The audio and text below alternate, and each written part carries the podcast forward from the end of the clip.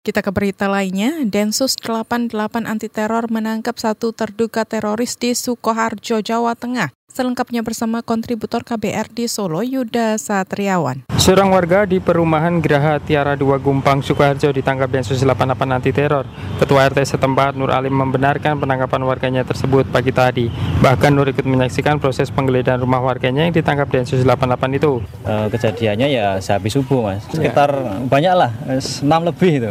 Pakai mobil, ada mobil satu sama motor ada dua gitu kan. Toto langsung bawa gitu? Ah, Toto langsung di, dirangkul di bawah. Nggak ada perawanan, inisialnya A.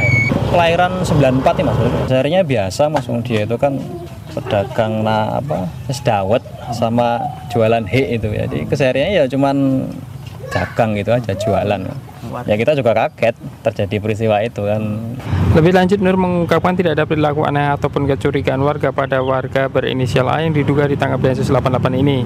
Terduga ditangkap usai sholat subuh di sebuah masjid di dekat rumahnya. Terduga ditangkap dan langsung dimasukkan ke dalam mobil dan melaju ke luar wilayah. Para warga yang sempat menyaksikan peristiwa tersebut langsung mendatangi rumah terduga dan memberitahu keluarganya. Dari Sukoharjo, Jawa Tengah, Yuda Satriawan, KBR.